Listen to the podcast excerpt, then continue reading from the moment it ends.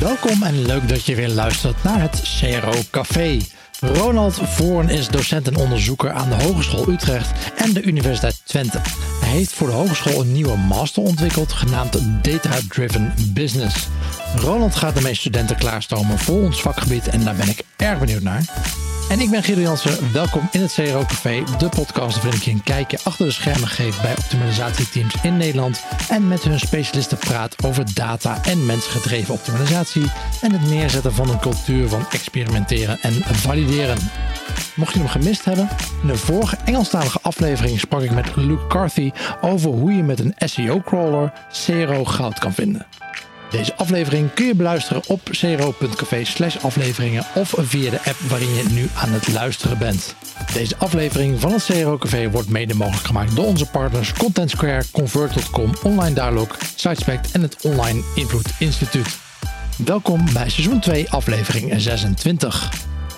Ronald, leuk om je weer te spreken en welkom bij de podcast. En voordat we het over data-driven business gaan hebben, kun je ons een korte intro geven over jouw achtergrond. Uh, mijn naam is Ronald Voorn. Ik uh, heb een, uh, verleden in de market, advertising, marketing.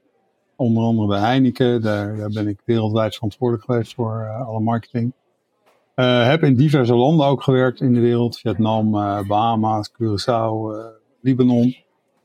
En ehm, na mijn carrière in het bedrijfsleven, op een gegeven moment was ik managing director al, al denk ik een jaar of 12, 13 toen was eigenlijk het moment, ik was toen 52, mijn vrouw en ik, die zagen onze kinderen allemaal weggaan uit het land waar we woonden. En onze ouders werden ouder en ik begon managen steeds minder leuk te vinden. En ik had weer, ik wilde gewoon weer inhoud, ja, met inhoud bezig zijn, niet met managen. Ja, toen kwam, eh, toen kwam eigenlijk, uh, uh, ja, ging een nieuwe deur open. gewoon een oude droom ingevuld. Ik wilde weer gaan studeren, dus ik ging terug naar Nederland, ben gaan studeren. Aan de Universiteit Twente. Ehm, marketing, communicatie en nieuwe media. Ehm, en daar kreeg ik zo de smaak te pakken van studeren eigenlijk. Dat was vreselijk leuk.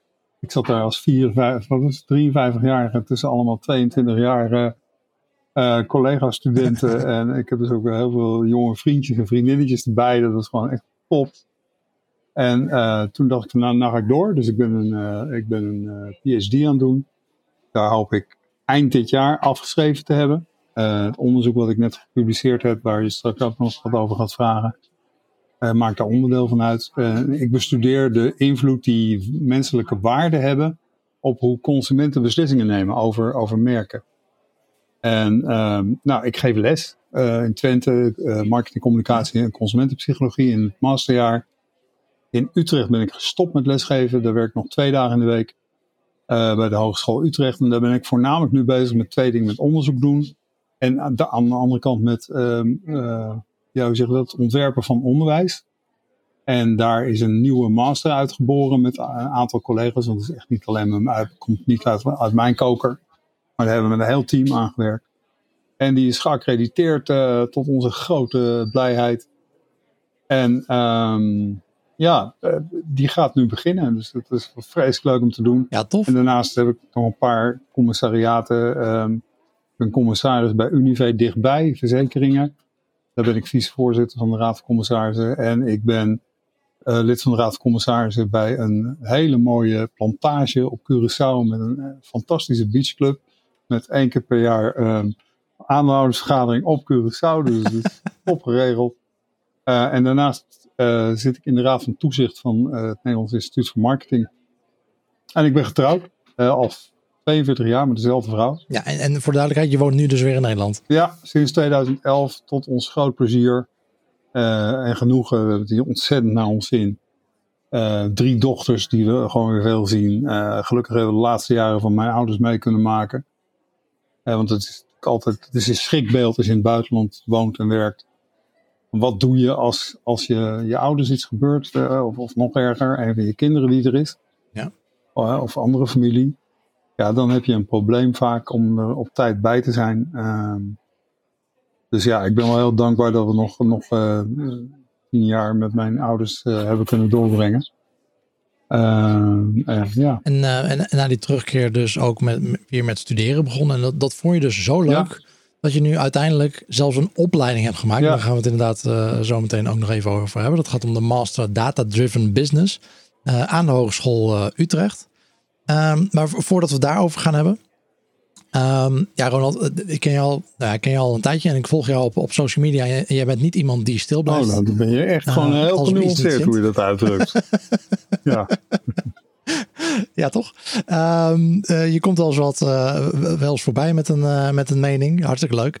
En nu, nu zag ik onlangs ook, en, maar niet alleen maar, je bent niet iemand die ik ken als oh, schil maar wat. Maar nee, nee, er komt een hele um, redenatie achteraan en, bewijsvoering meestal. Uh, dat is wat ik er vooral uh, leuk aan vind. En uh, nu las ik laatst ook op Marketing Facts, een onderzoek van jou. Dat wil ik even kort aanstippen. Um, dat ging over merken in crisistijd. En, en hoe die daarmee omgaan. En, en de, de, ja, de, de, hoe ze inspelen, zeg maar, op in dit geval uh, de pandemie die gaande is. En daar heb jij onderzoek naar gedaan. Ja, klopt. Vertel, wat heb je gedaan? Voor mijn normale dissertatieonderzoek is, is de tijd is niet echt de tijd voor. Want iedereen is potentieel toch een beetje van de leg. Ja. Begrijpelijk. Dus ik denk van weet je wat, ik draai hem om. Ik ga kijken of ik vanuit het onderwerp van mijn uh, dissertatie toch kan kijken naar um, hoe merken op dit moment acteren. Want het was me opgevallen dat allerlei merken allerlei verschillende dingen deden. He, Bavaria met zijn hand sanitizer. Uh, Prada begon ineens uh, uniformen te maken voor verpleegsters. Um, je had, uh, wat is, hoe heet die jongens ook weer, Honig. Die begonnen met een benefietconcert om geld te verzamelen om voedselbank te sponsoren. Hakday, die begon ook met zo'n actie. Kortom, er waren allerlei bedrijven ineens bezig. En dat was hartverwarmend om te zien, vind ik. dat vind ik ook een van de mooie lessen van deze crisis dat het ook, ook wel uh, bij heel veel mensen het beste naar boven haalt. En ook bij bedrijven. Dat vond ik echt gewoon heel goed. Maar ja, ondertussen had ik een vraag. Zo van welk type van die acties zou nou um, voor het merk het meeste effect uh, bereiken? Um, en ik denk, weet je wat, ik ga, ik ga onderzoek doen op basis van de vier marketing P's. Hè, product, prijs, plaats en promotie. En, uh, want dat vond ik uh, een grappig frame om daarbinnen gewoon dan te groeperen. Dat was ook onmogelijk. Alleen bij de prijsvariant liep ik een probleem op. Want dan ga je kijken naar prijsdaling of een, uh, hoe heet het, een donatie doen. Dat kan je ook zo opvatten. Ja. Maar dat werd vooral de corporate merken gedaan. En ja, ik wilde niet productmerken en corporate merken met elkaar vermengen. Dus toen heb ik besloten om in plaats van die prijs naar uh, benefietacties te kijken. Dus ja, ik heb eigenlijk een experiment uitgevoerd met duizend mensen in Nederland. Die uh, random een van de uitingen voorgeschoteld kregen. En ik wilde echte acties bekijken van merken, met echte merken. Dan heb je een probleem. Want het, potentieel kan het merk of de sector waar het merk in acteert invloed hebben op hoe het waargenomen wordt. -hmm. Dus dat kan de betekenis uh, sturen, uh, zeg maar, en de perceptie beïnvloeden. Dus ik heb ook een onbekend merk genomen, uh, Mobella. En die heb ik dezelfde acties laten doen als die echte merken heb, heb, hebben gedaan. Uh, hè, dus met een benefietconcert en met een, niet een hand sanitizer, maar met kleding voor verpleging, zeg maar, à la Prada. Dus iets direct doen voor verpleging, wat Bavaria eigenlijk ook deed. En, en hoe ging dat onderzoek dan? Liet je mensen gewoon in een bepaalde actie zien? Een, een, een was het een visual of was het gewoon nee, een? Nee, dat, dat, dat, heb je natuurlijk. Hè. Je moet er rekening mee houden dat je alles vergelijkbaar maakt, zeg maar. Nou, dat, dat kan in zo'n praktijkexperiment is dat heel moeilijk. Want dat, bijvoorbeeld sectoren hebben we niet, niet kunnen meten in dit geval. Maar dat wordt waarschijnlijk, gaan we daar een vervolgonderzoek over doen. Dan gaan we die twee onderzoeken samen in één wetenschappelijke publicatie uh, zetten. Maar um, de vorm waarin we het onderzocht hebben was voor uh, productaanpassing, voor de benefietconcert en voor uh, de distributieaanpassing. Bijvoorbeeld Jumbo met zijn pop-up store in een ziekenhuis voor verpleging. Uh, die hebben we allemaal, en ook bij Mobella, die drie varianten als een persbericht laten zien. allemaal dezelfde opmaak, dezelfde vorm, dezelfde lettertype ja. en alleen het merk veranderde hè, en, en de actie. Dus dan heb je het vergelijkbaar. Alleen bij de vierde, bij de P van promotie, hebben we dus echte advertenties laten zien. Daar had ik Coca-Cola, die zijn merk uit, uh, beeld uit elkaar getrokken had. Om de boodschap van afstand houden mee te helpen ondersteunen. Hè? Want een aantal merken hebben dat gedaan. De McDonald's ook met die met die M die uit elkaar getrokken was. En, nou, er waren er meerdere die speelden met die afstand. Eh, die heb ik als voorbeeld van, van inhakers gepakt van advertenties. En bij Mobella heb ik daar fotomateriaal van een bekend, niet nader te noemen monomerk voor gepakt. en daar gewoon het Mobella-merk overheen geplakt. Uh, gewoon het beeld gemanipuleerd. Mobella was een, is een niet bestaand merk, toch? Of is het, of nou ja, dat dacht ik dus. Dat is dus de enige stommiteit. Nou ja, misschien heb ik wel meer gemaakt. Maar dit is er eentje waarvan ik achteraf denk: oh, wat stom. Ja, ja had ik helemaal vergeten te checken op Google of ze wel niet bestonden. Maar ik had er een controlevraag natuurlijk in. Hè, van ken je het merk? En, uh, en, en dan kon je ook aangeven een optie van: ik ken het merk niet. Uh, dus ik kan het ook niet beoordelen of zo. Nou ja, bij Mobella had gelukkig 86% dat ook aangekruist. Maar het blijkt dus een echt bestaand merk te zijn. het blijkt een platform te zijn voor uh, pedicures, kapsters, uh, masseurs die je thuis kan bestellen. Okay. En dat zit in Almere. En 14% kennen dat dan blijkbaar? Ja, nou ja, dat, dat, dat heb ik niet kunnen achterhalen. hoe ze het dan kennen, wat, wat ze er dan onder verstonden. Want je, je hebt ook nog altijd ghost awareness. Ja, mensen die... De, op de een of andere reden zeggen dat ze iets kennen terwijl ze het nooit kunnen kennen, bij wijze van spreken. Maar ik kan niet uitsluiten dat er een aantal mensen zijn die het platform hebben gekend. Maar dat is, nou, maximaal zou dat dan 14% zijn. Dus dat valt wel reuze mee. En trouwens, uh, de omschrijving van als, als modeproduct was een hele nieuwe. Dus, ja. En daarop is dan verder gereageerd of gereageerd. Dus dat valt allemaal nog mee. Maar ik had wel achteraf wat ik zoiets van, top, top, oh, oh, moet ik dat doen, joh. Echt een oh, oh. Ja, jammer. Maar, uh, gelukkig ga je nog vervolgonderzoek doen. Kijk. Nou, was mijn baas namelijk, een van mijn begeleiders, die reed door Almere heen. En die, die WhatsAppte me van, joh, uh, wist je, de, uh, waarschijnlijk kennen we hem maar het bestaat echt. Ik, ik rijd er net voorbij. Oh, embarrassing. Hè? Yesterday's brainstorm was so good. I really liked Steph's idea of running that test on the call to action buttons. Making them orange will really make them stand out, don't you think? Yeah, right. Do you want to design real A B test winners and achieve enormous conversion uplift? Then stop brainstorming and take a scientific approach. If you can read Dutch, follow the steps in Online Invloed, the bestseller on managementbook.nl. Or enroll in the author's course and become an expert in applying proven behavioral science yourself. Go to onlineinfluence.com for more information and free downloads. Maar wat kwam eruit? Wat, wat zijn nu de acties die heel goed werken en wat heel slecht werkt? Nou ja, de hypothese die ik heb, ook, ook op basis van, van literatuur natuurlijk, van ons, anders doe je dat niet, maar de, de hypothese was dat hoe directer de bijdrage is aan het direct bestrijden van de gevolgen van uh, de ziekte, hoe hoger de waardering zal zijn.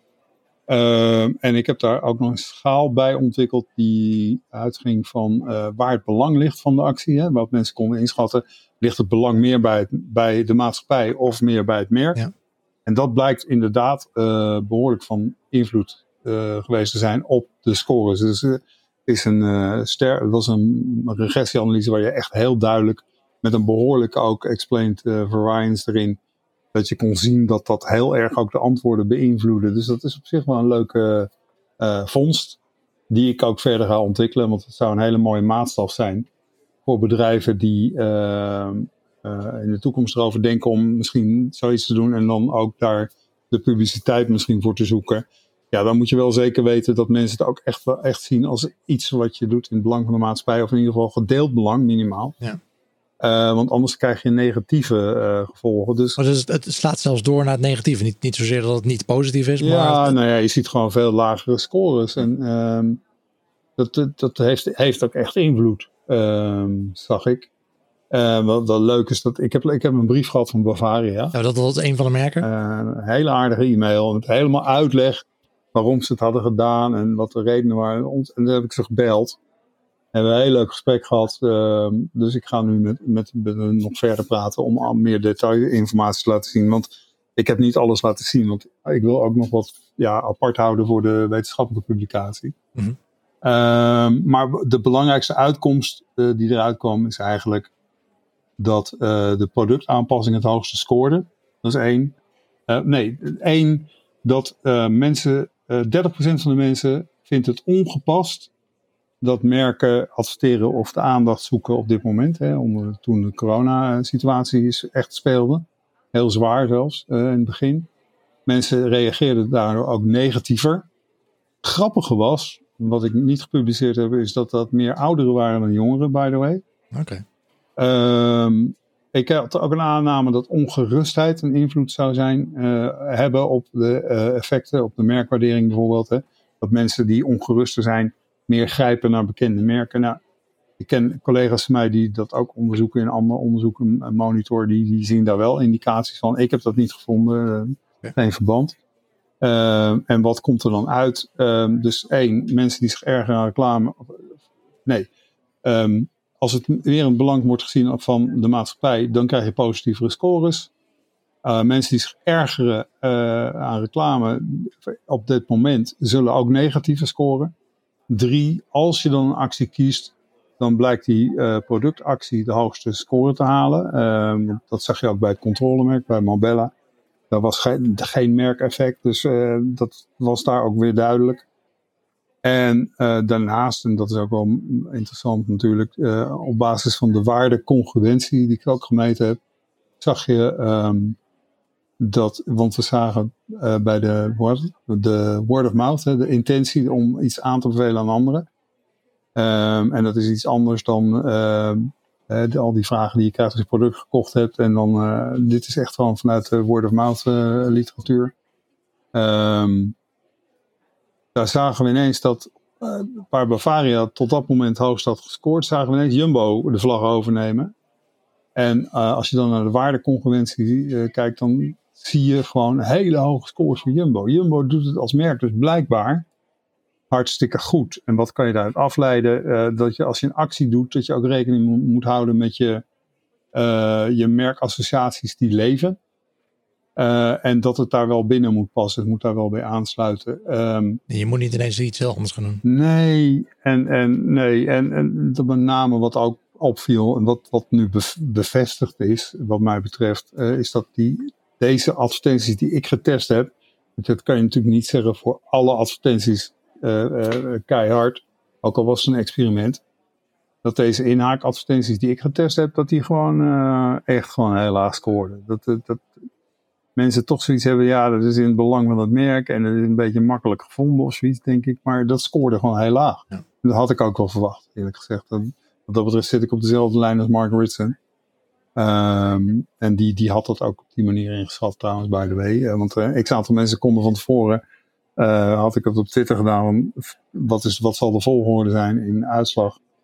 En uh, toch behoorlijk aantal mensen hadden het product als eerste gezet en advertentie als laatste. En dan zat er wat variatie in of distributie hoger zou scoren dan de benefiet of niet. Nou ja, goed. Dus ja, binnen vijf weken is het allemaal gedaan. Ik had het idee, we hebben een aantal mensen naar design zitten kijken, experimentele design, hoe we het op zouden zetten. Uh, vervolgens uh, het panelbedrijf waar ik vaker mee werk, Panel Inzicht, uh, waren ontzettend aardig, begonnen maar meteen mee te denken. waren bereid om allerlei dingen ook voor het onderzoek te doen.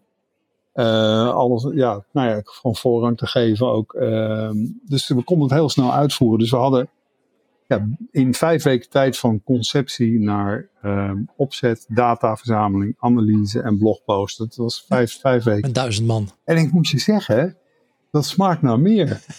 dat is gewoon echt vreselijk leuk om te ja. doen. Het is totaal anders dan natuurlijk wetenschappelijk publiceren. Uh, ik, ben, ik ben ook geen begenadigd uh, uh, wetenschappelijke journal schrijver hoor, mind you. maar dat proces, man, man, man, wat duurt dat af en toe lang, jongen. Dus ik denk van nou, we gaan eerst uh, naar Marketing Facts, want die vonden dat wel leuk. Ja. Daar schrijf ik wel vaker voor. En ik zit zelf ook bij het NIMA. En nou ja, we zijn mede-eigenaar van, van Marketing Facts. Dat is iets, nou weet je, laat me even in de familie houden. En, maar je gaat nu vervolgonderzoek doen, toch? Dus je kan het nog een keer gaan doen. Nou, dat, dat, nou niet hetzelfde, maar dan komt er een aanvulling op. Want uh, hier, hier hebben we nieuwe hypotheses gaan we hier uithalen. Nieuwe onderzoeksvragen ook. Dus uh, ja, het is wel vreselijk leuk om te doen. Hartstikke goed. Ja. ja. voor de mensen die er meer over willen lezen, er staat een linkje in de, in de show notes. En die gaan naar het artikel dat heet uh, Merken in crisistijd. Jammer voor Bavaria en mooi voor Jumbo. Op Marketing Facts. Ja, leuk. Ja, dan gaan we door naar, de, naar je nieuwe opleiding, uh, Ronald. Ja. De Master Data Driven Business aan de HU. Ja. Uh, hoe heb je dat voor elkaar gekregen? Van, van nou, student nou, naar ik, opleidingmaker? Nou, kijk. een, he een heel team uh, is geïntegreerd gaan werken. in die zin, wij hebben ons gerealiseerd dat ehm, als je binnen een bedrijf komt te werken, heb je geen bestaansrecht als afdeling. Je hebt alleen maar een bestaansrecht. Je kan alleen iets voor elkaar krijgen als je het met elkaar doet. Dus de, de situatie die je in opleidingen ziet, ook uh, met allemaal faculteiten die op vakgebied georganiseerd zijn, is eigenlijk gewoon van de vorige eeuw. Ik, ik hoor heel veel mensen die nu luisteren naar de podcast, hoor zeggen, ah, amen. ja, Ronald. Ja, nou, ja, nee, maar weet je, ik bedoel, uh, het is natuurlijk een no-brainer, maar ja, waarom doet dan niemand wat dan aan? Hè? Uh, dus wij hebben dat wel gedaan. Uh, en wij zagen gewoon enorme toename en ook mogelijkheden voor uh, meer data-driven ehm, beslissingen nemen. de hele analytics kant ervan, machine learning, artificial intelligence toepassingen. En dat gaat steeds belangrijker worden. En daarnaast toch een, een beetje ontdekking dat er een enorm verschillende belevingswereld sta, is. Verschil tussen aan de ene kant mensen die de business heel goed begrijpen. En aan de andere kant de, de, de data scientist. En die twee, die spreken niet altijd dezelfde taal. Dat, dat, dat zie je dus ook in de praktijk in bedrijven terug. Dus wij gaan mensen opleiden voor wat wij dan genoemd hebben analytics translators. Dat is een term die niet door ons bedacht is, maar die is door McKinsey uh, geponeerd nog niet zo lang geleden. Uh, en daar gaan we voor opleiden in een um, ja, geïntegreerde wijze. Dus men krijgt uh, een jaar lang uh, allerlei onderwijsvormen, waarbij we de theorie online doen. Hè, de wetenschappelijke artikelen ook. En de uitleg daarvan staat allemaal online. En op het moment dat we face-to-face gaan doen, gaan we echt interactief met multifunctionele teams gaan we uh, samenwerken. Dus er zitten mensen in van finance, mensen van data, data science, bachelors, er mensen in van bedrijfskunde, er zitten mensen in van marketing, er zitten nou, van een x aantal richtingen. Uh, HR, uh, People Analytics heet dat dan zo mooi tegenwoordig. En die worden samen ja, aan het werk gezet op allerlei echte business uitdagingen. We hebben ook een hele mooie business community zijn aan het opzetten. Waar behoorlijk wat bedrijven inmiddels ook aan gaan meedoen. En nee, ik mag geen, nog geen namen noemen, maar er zitten gewoon echt hele mooie bedrijven tussen. trust me. dat wordt binnenkort bekend. En die gaan allerlei cases aandragen, stages aanbieden. Uh, die gaan praktijkproblemen erin gooien. Die stellen datapakketten ter beschikking. Die komen soms met problemen binnen. Van oké, gaan, we, gaan we aan de gang. Hè? Dan gaan we gewoon hacken met z'n allen. Uh, en het probleem oplossen. En ja, dat, die opleiding is, is redelijk uniek in die zin dat um, ja, HBO-studenten um, uh, die een bachelor hebben gehaald, kunnen zo instromen. Als ze door de statistiektoets heen komen. Oké. Okay. Uh, dat hebben we ook afgesproken met de accreditatiecommissie, dat we echt een hele harde, harde cut hebben. Zo van, uh, je moet wel mee kunnen komen met statistiek, uh, want anders, ja, dan, dan met die analytics, dan gaat het, wordt het te ingewikkeld. Ja. Dus dat betekent gewoon dat die studenten uh, geen pre-master hoeven te doen, wat je op de universiteit wel moet doen als je van het HBO komt. Plus dat wij natuurlijk um, ja, um, een type onderwijs geven waarbij we wetenschappelijk gefundeerd onderwijs geven, maar toegepast op de praktijk. Echt heel erg op de praktijk. Uh, want dat is eigenlijk ook uh, eh, DNA van, van HBO's. Um, ja. Om daar binnen te blijven. En ja, dat is eigenlijk een vreselijk leuke avontuur geweest. Een reis die we met ook voor ons doen. Met, ja, nou goed, ik kom uit het bedrijfsleven, dus voor mij is het vrij gewoon.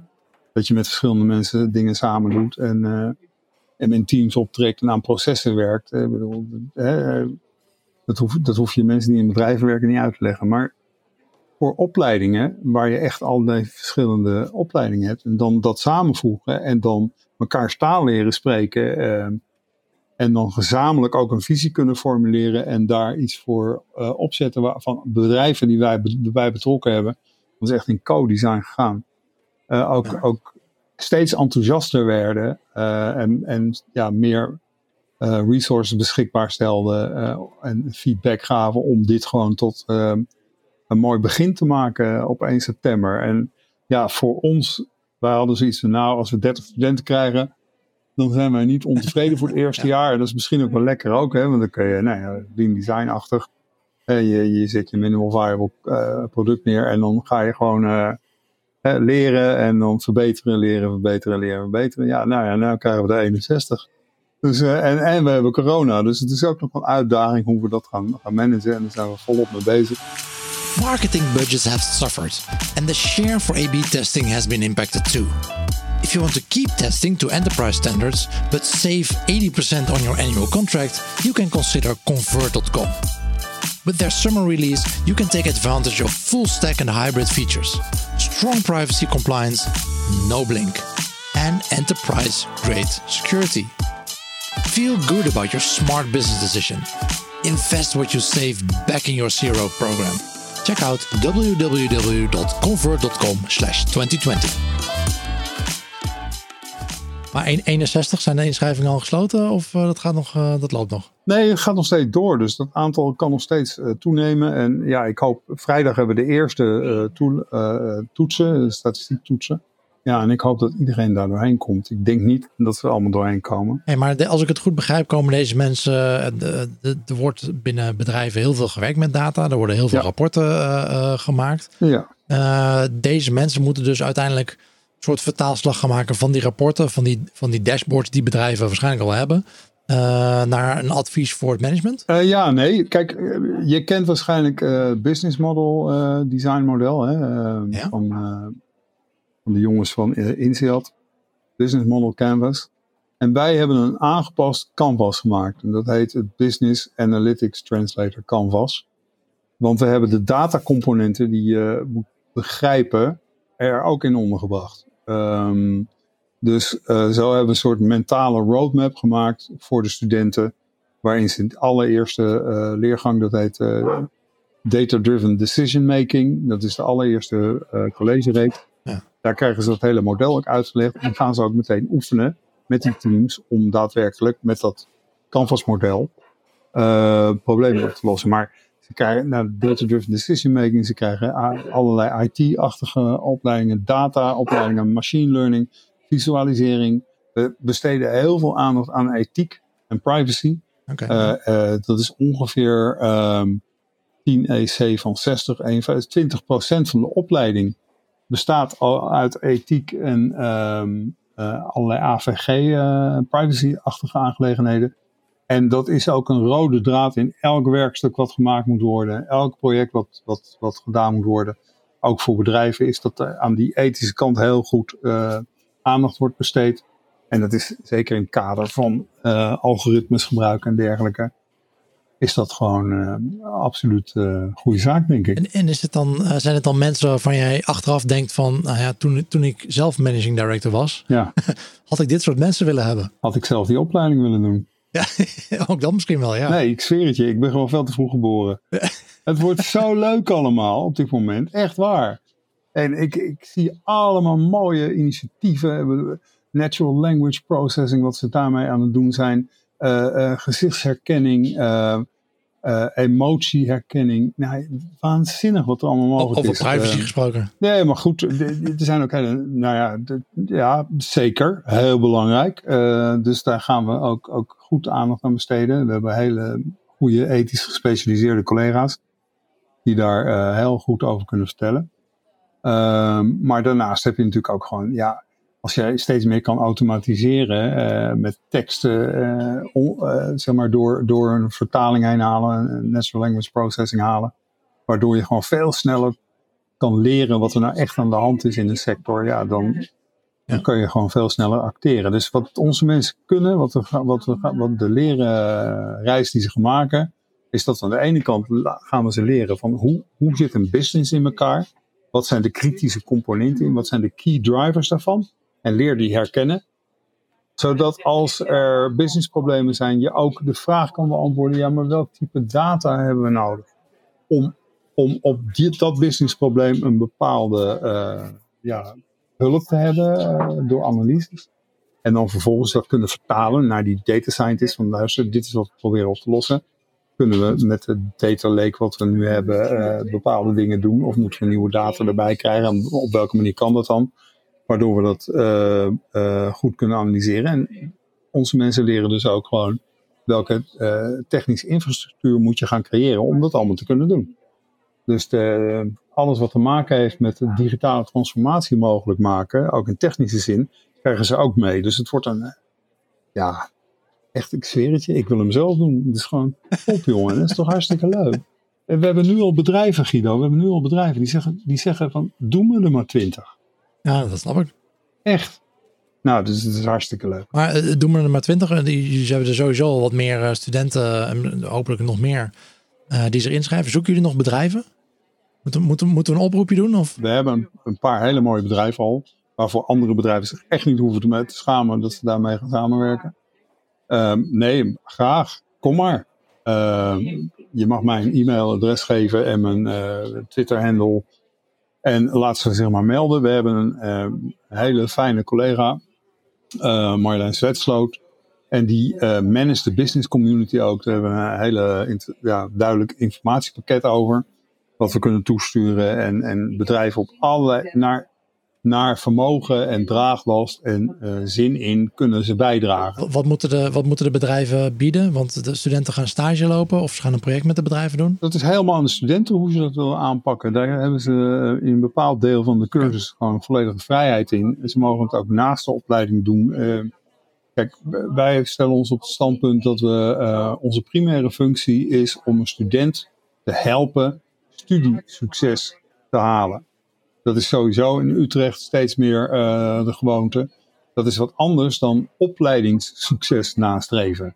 Dus het is eigenlijk een totale ja. Uh, ja, andere oriëntatie van luister. Onze functie is gewoon die student helpen om uh, af en toe zachtjes nudgend het toch daardoor de kans te geven om zoveel mogelijk te ontdekken en zijn eigen leerervaring gewoon te, te ontwikkelen. En dat gaan we faciliteren gewoon. Dus wij, wij, wij, niemand van ons zal een student stoppen als die bij wil leren. Echt niet. nee. Precies. Welke, welke cursus ga je zelf geven, Ronald? Nou, ik zit in de curriculumcommissie uh, met een aantal collega's. Uh, dat, dat gaat ook nog, nog door. Ik uh, ben zelf ook module verantwoordelijk voor marketing analytics. En dat doe ik met uh, Kevin van Kalkeren en Ludo Voren. Die gaan, wij gaan met z'n drieën gaan we dat die module verzorgen. Dat noemen we geen specialisme, dat noemen we verdieping. We hebben er ook van finance. We hebben ook, dat, is nou, dat heet bij ons periode drie. Je hebt vier periodes in een jaar. Periode drie is de, na uh, januari uh, drie maanden, zeg maar, totdat ze echt aan een eindproduct gaan werken, wat vroeger een scriptie heette. Maar tegenwoordig kunnen, mogen dat meerdere type eindproducten worden. Um, en met Kevin en Ludo heb ik dit helemaal marketing analytics helemaal vormgegeven. Um, ja, en, en ik ga zelf de allereerste uh, college doen, eerste onderwerp. En dat is, marketingstrategie. Want ik wil gewoon heel snel iedereen op hetzelfde niveau hebben met dezelfde achtergrondkennis. Zodat we daar makkelijker in de verdieping dan uh, over kunnen praten. Maar de tweede helft van die eerste week um, uh, um, gaan we gelijk oefenen met data IQ gaat het worden. Um, uh, waarbij ze een, een, pakket krijgen. Hebben een eigen case gemaakt met een heel mooi datapakket. Dat heet de Bookbuster Case. Dat heeft Kevin ontwikkeld uh, bij zijn firma OnMark, die ook bij de opleiding betrokken is. En die hebben een dataset ontwikkeld uh, waar studenten um, allerlei analyses op kunnen doen. Dus social network analyses, ze kunnen customer journey, uh, customer lifetime value. Er zitten allerlei dingen in verstopt. En zij moeten dat door handig met die data om te gaan, moeten ze erachter komen. En dan maken ze die hele periode een reis langs al die onderwerpen die gewoon tegenwoordig uh, steeds meer gevraagd worden. Ja. Maar dan wel data gestuurd. Uh, en dat, dat, dat beheersen ze dan. Sidespect offers a worldwide unique A-B testing, personalization and product recommendation solution. Sidespect works server-side without any tags or scripts, which guarantees an optimal performance. The SiteSpec solution eliminates delays and the chance of any flickering effects, and this approach also ensures that the current and future browser security rules like ITP and ETP don't make an impact on your A-B testing and personalizations. For more info, visit sitespect.com. Klinkt uh, super gaaf, Ronald. Ik, uh, ja. ik, ik, kijk uit naar de eerste student die ik over een jaar uh, ga, ga ja. kan interviewen die het gedaan heeft. ja, leuk. maar we krijgen wat ons allemaal opvalt, hè, we krijgen zulke gemotiveerde mensen die zich aanmelden. Want ze moesten een, een, een brief schrijven, ze moesten, we hadden een case. Uh, ze moesten een voorbeeld geven van wat gaat data-driven uh, analytics betekenen uh, voor een, een gevestigd bedrijf in Nederland. Pak ja. een gevestigd bedrijf, ga het analyseren en ga dan vertellen wat je denkt dat met data gaat gebeuren in de toekomst. En wat dan de rol van een analytics translator in dat proces zal zijn. Ja, wat ons allemaal opvalt, we krijgen zulke razend gemotiveerde studenten die ook al die twee, drie jaar al werken. En echt niet vanwege corona nu zoeken naar een studie of zo, maar van echt mensen die zoiets hebben van ja, het, deze opleiding is er nu, die was er toen niet. Dus uh, ja, dat is leuk hoor. Ja, tof. Heb, heb je de eerste 50-plusser al gespot? Nee, dat nog niet. Nee, maar wel, wel een 30-plusser. Die, uh, okay. ja, ontzettend interessante kerel. Hey Ronald, dankjewel. Uh, de, de, als mensen er meer over willen weten, sowieso uh, jouw Twitter en een linkje naar de, naar de opleiding op, op hu.nl. Zullen we even in de show notes van de, van de podcast zetten. Hey, als laatste, uh, heb jij nog boekentips voor ons publiek? Boekentips? Uh, ja, nou, ik ben zelf net begonnen en dat is wel een hele interessante. Dat is het allernieuwste boek uh, van Business Model Canvas. Dat, gaat, dat heet The Invincible Company. Dat hebben ze de werelds meest succesvolle businessmodellen geanalyseerd en platgeslagen, zodat normale mensen zoals jij en ik het ook kunnen begrijpen. Ehm, en dat, dat is, de eerste bladzijden zijn uh, veelbelovend, moet ik zeggen. Dus daar ben ik heel blij mee. Dus daar ga ik rustig in verder lezen. Uh, heeft, dat, heeft dat boek niet een beetje last van uh, survivorship bias? Of? Ongetwijfeld. Maar daar leiden we allemaal aan op dit moment, toch? Hey, en deze? Ja, The Attention Economy. Ja, daar heb ik net een recensie over geschreven voor communicatie, wetenschappelijk communicatieblad in ja. Nederland. Ja, dit is wel heel erg interessant. Het gaat namelijk over um, op welk niveau heeft aandacht al een effect voor een merk. En dan, um, ja, aandacht kan, op verschillende niveaus. Van uh, geen aandacht, pre-attentieve aandacht en dan tot echt helemaal gefocust uh, met iets bezig zijn cognitief. En wat blijkt als je dat gaat meten, dat is best, best uh, interessant. Het is aangetoond met, ook op basis van data Um, dat de grootste sprong die je maakt in merkeffect is van nul data naar pre-attentieve aandacht. Dus dat is hele korte, hele versnipperde, uh, soort uh, vage uh, soort van signalen die al binnenkomen en al een effect hebben op, ehm, in dit geval hebben ze verkoop nagebootst. Dus ik zeg ja, dat is nog steeds een proxy voor echte verkoop. Maar um, dit hebben ze gedaan met een hele grote dataset van um, Dentsu. Uh, en ik, ik kende deze onderzoekster ook, uh, Karen Nelson Field. Die heeft ook een heel mooi boek geschreven over viraal, viraal gaan van um, marketing content. En wat wel werkt en niet werkt en waarom niet. En die heeft daar social media en analytics ook bij gevolgd. Zij komt uit de school van Byron Sharp, dus heel gedegen, uh, rigoureus, methodisch onderzoek doen.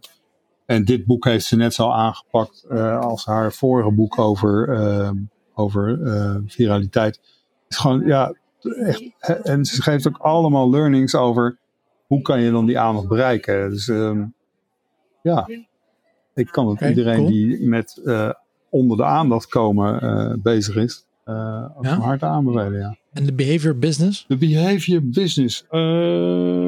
Deze van Richard Chataway. Dit boek. Ja?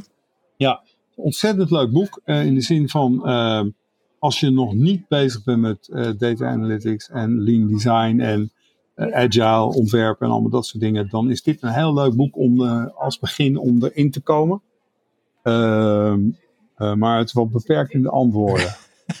Maar het, de methode en de aanpak, dat, dat leer je in, in dit boek uh, inderdaad okay. wel. Dat is op zich wel. Uh... En, en, je zegt, ik, ik ben net weer begonnen met, uh, met boeken lezen. Is dat voor de opleiding dat je studenten wat wil kunnen aan, aanbevelen? Nee, ik, heb altijd, ik, ik lees me helemaal suf, joh. En met name als het regent. En dan de laatste paar keren dacht ik van, weet je wat? Ik ga eigenlijk twitteren terwijl ik aan het lezen ben. Ja. Dan ga ik op die manier mijn samenvattingen doen. Dan hoef ik niet een heel verhaal te schrijven. Ja, dus, dus mensen konden me live volgen terwijl ik door zo'n boek heen had gaan. Dat is op zich ook wel weer een nieuwe leuke ervaring om te doen. Ja, ik hou er gewoon van om af en toe gewoon even buiten de lijntjes te kleuren, weet je. Nou, als mensen dat, uh, dat leuk vinden, jouw Twitter staat ook in de show notes. Hey Ronald, dankjewel. Graag gedaan, Guido. Dank voor deze inzichten. Leuk je weer gesproken te hebben. Insgelijks, man. Heel veel succes met die opleiding. Ik ben ja, echt heel benieuwd. Je. En laten we contact houden erover. Laten we contact houden. En uh, wat ik zei, ik wil zeker wel een student uh, spreken over een jaar als die, als die er doorheen is. En wat hij er gevonden, van gevonden heeft. Top. Leuk. Hey, dankjewel. Graag gedaan, Guido. Tot ziens. En dat brengt ons bij de COVID-19 data trends en updates. Content Square heeft weer een verse data-analyse gedaan op hun clientbase om enkele inzichten met ons te kunnen delen. Hier is Cheert van der Putten van Content Square. Hello everyone, this is Cheert from Content Square speaking with another update on the impact of the coronavirus on e-commerce. This week, online engagement still high as many sectors record small decline of traffic and transactions. Here are some of the insights we surfaced for this week. Traffic and transactions go a bit down, but online engagement remains strong. After a stable first week of June, e commerce traffic and transactions dropped slightly this past week, with minus 4% fewer visits and minus a 3% decrease in transactions from the previous week. As stores reopen their doors to customers around the globe, digital customer engagement appears to be slowing down. Despite this, online consumer activity is still much, much higher than before the onset of the crisis, prompting many businesses to invest heavily in their digital operation. The greatest increase in the volume of digital transaction is observed in the UK, where businesses are bringing in on average plus 67% more online sales than pre-COVID. In the US, this figure is plus 27%. According to our data, latest data pull from the week ending 14th of June, Brand across industries are seeing on average plus 10% more digital traffic than they were back in January, and plus 33% more online transactions. Some industries, for example, sporting good retailers or online supermarkets, are even seeing double the amount of transactions they are used to seeing. Other industries, such as travel, are of course dealing with the negative business impact of the pandemic. Although recent weeks show positive, if slow, signs of recovery. Online grocery sector slows down but remains stable in US. After an initial surge which saw regular volumes of traffic increase times 3, the grocery industry continues to experience a slow but steady steady traffic decrease across the board, minus 10% drop this past week. Although the breakdown by country tells different stories of consumer reliance on online grocery shopping. The UK shows a pretty vertiginous drop since peak traffic at the end of March from plus 440% down to plus 220% pre COVID traffic levels while the US has seen stable levels of digital engagement since the first week of April. Overall, traffic to grocery sites is still plus 61% higher than pre crisis, and the volume of transactions is plus 85% higher. Consumer electronics sector sees slight drop in traffic and sales last week. On the heels of two weeks of quick growth, traffic and transactions, consumer electronics retailers experienced a bit of a slowdown this past week, with traffic declining by minus 6% this past week and sales going down by minus 11%. Still, the sector as a whole is recording plus 46% more traffic than before the start of the pandemic and plus 47% more transactions. In the US, consumer engagement in this sector has been steadily going down since late April with surges in the UK and France majorly impacting growth. Tourism still on the up, and healthcare retail sees gains too. After taking the biggest hit of all industries, the travel and tourism sector continues to see its customers' digital activity climb, with plus 7% more traffic this past week compared to the last, and plus 11% more transactions. These recent increases mean the industry as a whole is now closer to half its pre COVID traffic and transactions levels. Although it is important to note that our reference period in January would have different averages than during peak season. While traffic has remained steady in the US since end of April, transactions have been steadily climbing for the past seven weeks, reflecting greater consumer confidence when it comes to booking travel. Sites selling camping trips continue to see the greatest increases across all subsectors, both in traffic and conversions. Meanwhile, last week was a strong week for healthcare retailers, with plus 22% more traffic to these platforms and an impressive plus 68% increase in transactions. Thank you all for listening again. This was the update on the corona impact on e-commerce. Thank you very much for listening. Ja, dankjewel Cheert. En mocht je hier meer over willen weten, kijk dan in de show notes voor een directe link naar de Data Hub. Dit was seizoen 2, aflevering 26 van het CRO Café met Ronald Voorn. Wil jij jouw product of diensten nou ook promoten bij de beste CRO-specialisten van Nederland en ver daarbuiten? Neem dan een kijkje op cro.café partner voor de mogelijkheden. Wij spreken elkaar volgende week weer met een Engelstalige aflevering waarin ik praat met Khalid Saleh, CEO van Invest. In 2010 was hij een van de eerste die een boek schreef over CRO. En tijdens de aflevering ga ik het met hem hebben over hoe je dingen kan vinden op je website die echt kapot zijn. Tot dan en always be optimizing.